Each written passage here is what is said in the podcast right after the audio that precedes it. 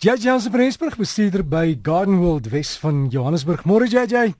Môre Derek, hoe gaan dit? Met my voor die voor die wind en in die reën, jy weet ons het lekker nat binneland. En ek weet nie hoe dit julle raak nie. Jy kry seker daarom nou baie papierwerk gedoen. Ja nee, dit is altyd so, maar weet jy, dit is so lekker, jy weet as mense in die oggend opstaan en jy sien daar is daai wolkies in die lug en jy sien daar's 'n mistigheid of dit reën saggies deur die aand. Dit is so lekker om om dit te hê, jy weet. En ons kry nou regtig die manne jammer wat eintlik nou nog die reën so dringend nodig het. Ek weet so soveel gedeeltes in die Kaap en die Wes-Kaap en die Suid-Kaap is so droog dat dat die reën net so welkom daar sou wees en weet jy ons bid vir julle. Ek is baie jammer dat julle dit nog nie het nie. Ja, ek hoop ek hoop regtig dit kry groot reën daai kant van die wêreld. Maar jy sê iemand by die brande. Iemand ja, ja, veral daai iemand het nou nog gesê ek vir jou vra die clivias die boslelies wat die blare van geel word, wat kan fout wees? As jy dit onthou as die klivias as die bosse se blare geel word, is dit gewoonlik 'n tipe van fungus probleem. Um nou die fungus ja, sommer die hitte, sommer die vog kan die fungusse definitief um floreer, maar dit gebeur ook baie keer as die wortels as die grond vaslaan om die wortels.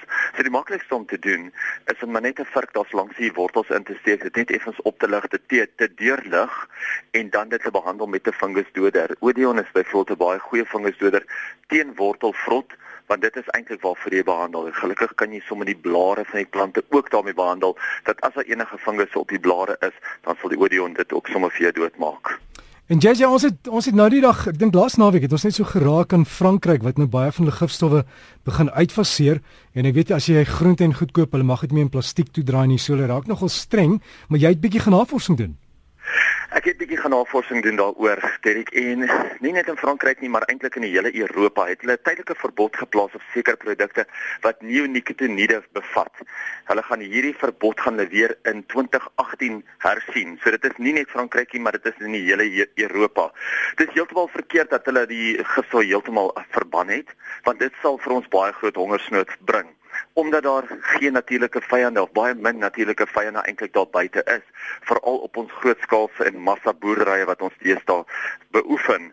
Die rede hiervoor hoekom hulle eintlik hierdie verbod geplaas het is oor die uitsterwing van die bye wêreldwyd. Nou ons weet self dat bye is besig om uit te sterf en dat dit 'n baie groot probleem is en dat gifstowwe eintlik 'n maklike teken is om hiervoor te blameer. Maar daar's verskeie ander faktore hoekom baie eintlik uitsterf wat baie groter en baie sterker faktore is as die gifstowwe waarvan waar, waaroor ons altyd so bekommerd is.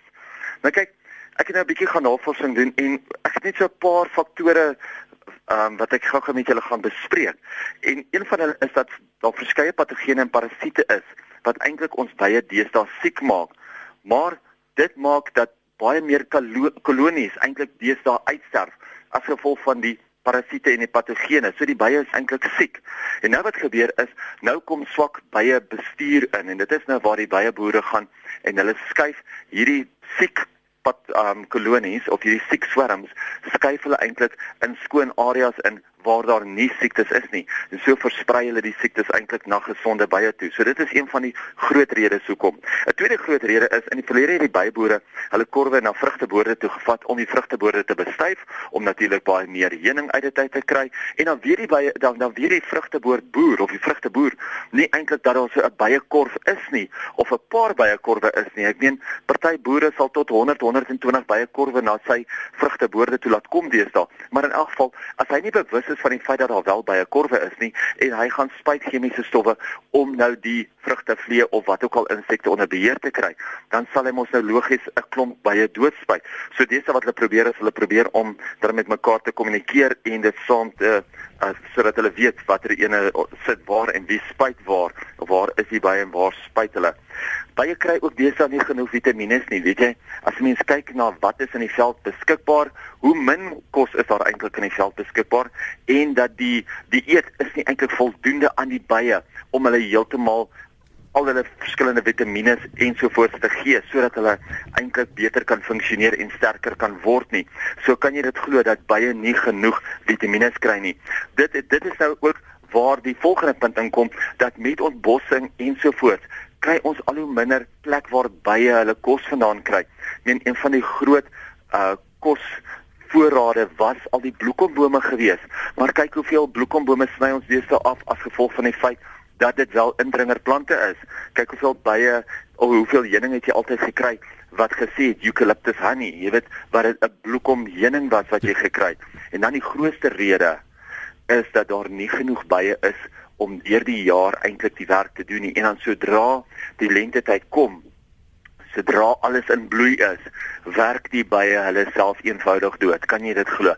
Hulle 'n by sal nie ophou totdat hy nie al daai styfmeel gekry het nie.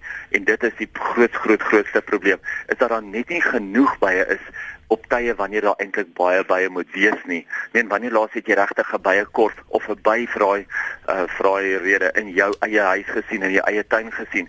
Is daar regtig genoeg bye? En weet jy, ja, ek sal nie sê elkeen moet 'n bye korf aanhou nie, maar dit is wet in Suid-Afrika dat jy wel 'n bye korf in jou tuin mag hê. So al het jy 'n bye korf in jou tuin, moet hom nie noodwendig van hom ontslaa raak nie. Probeer eerder vir hom 'n behoorlike korf te gee en om daar te huisves. Ja en en JJ, ek het dan by my moet ek sê het ek het ek baie en hulle plan nie die mense as jy hulle nie gaan plan nie. So dis daarom nou nie en as jy allergies is, jy weet om jou medikasie goed byderhand te hou. So wees maar net asseblief versigtig en ek weet ook met van die groot uh, kweektonnels en die ouens wat op massa skaal goed onder dak binnekant kweek, hulle kry ook baie en goggas om die ander goggas tot nie te maak sou daar probleme opduik. O ja, nee, definitief. En weet jy nie, ek dink dit is regtig ietsie wat ons baie harder aan moet werk en ons moet begin om plante te plant wat eintlik meer bye lok. Ek het so rukkie terug en ek sal dit sommer weer op Facebook sit.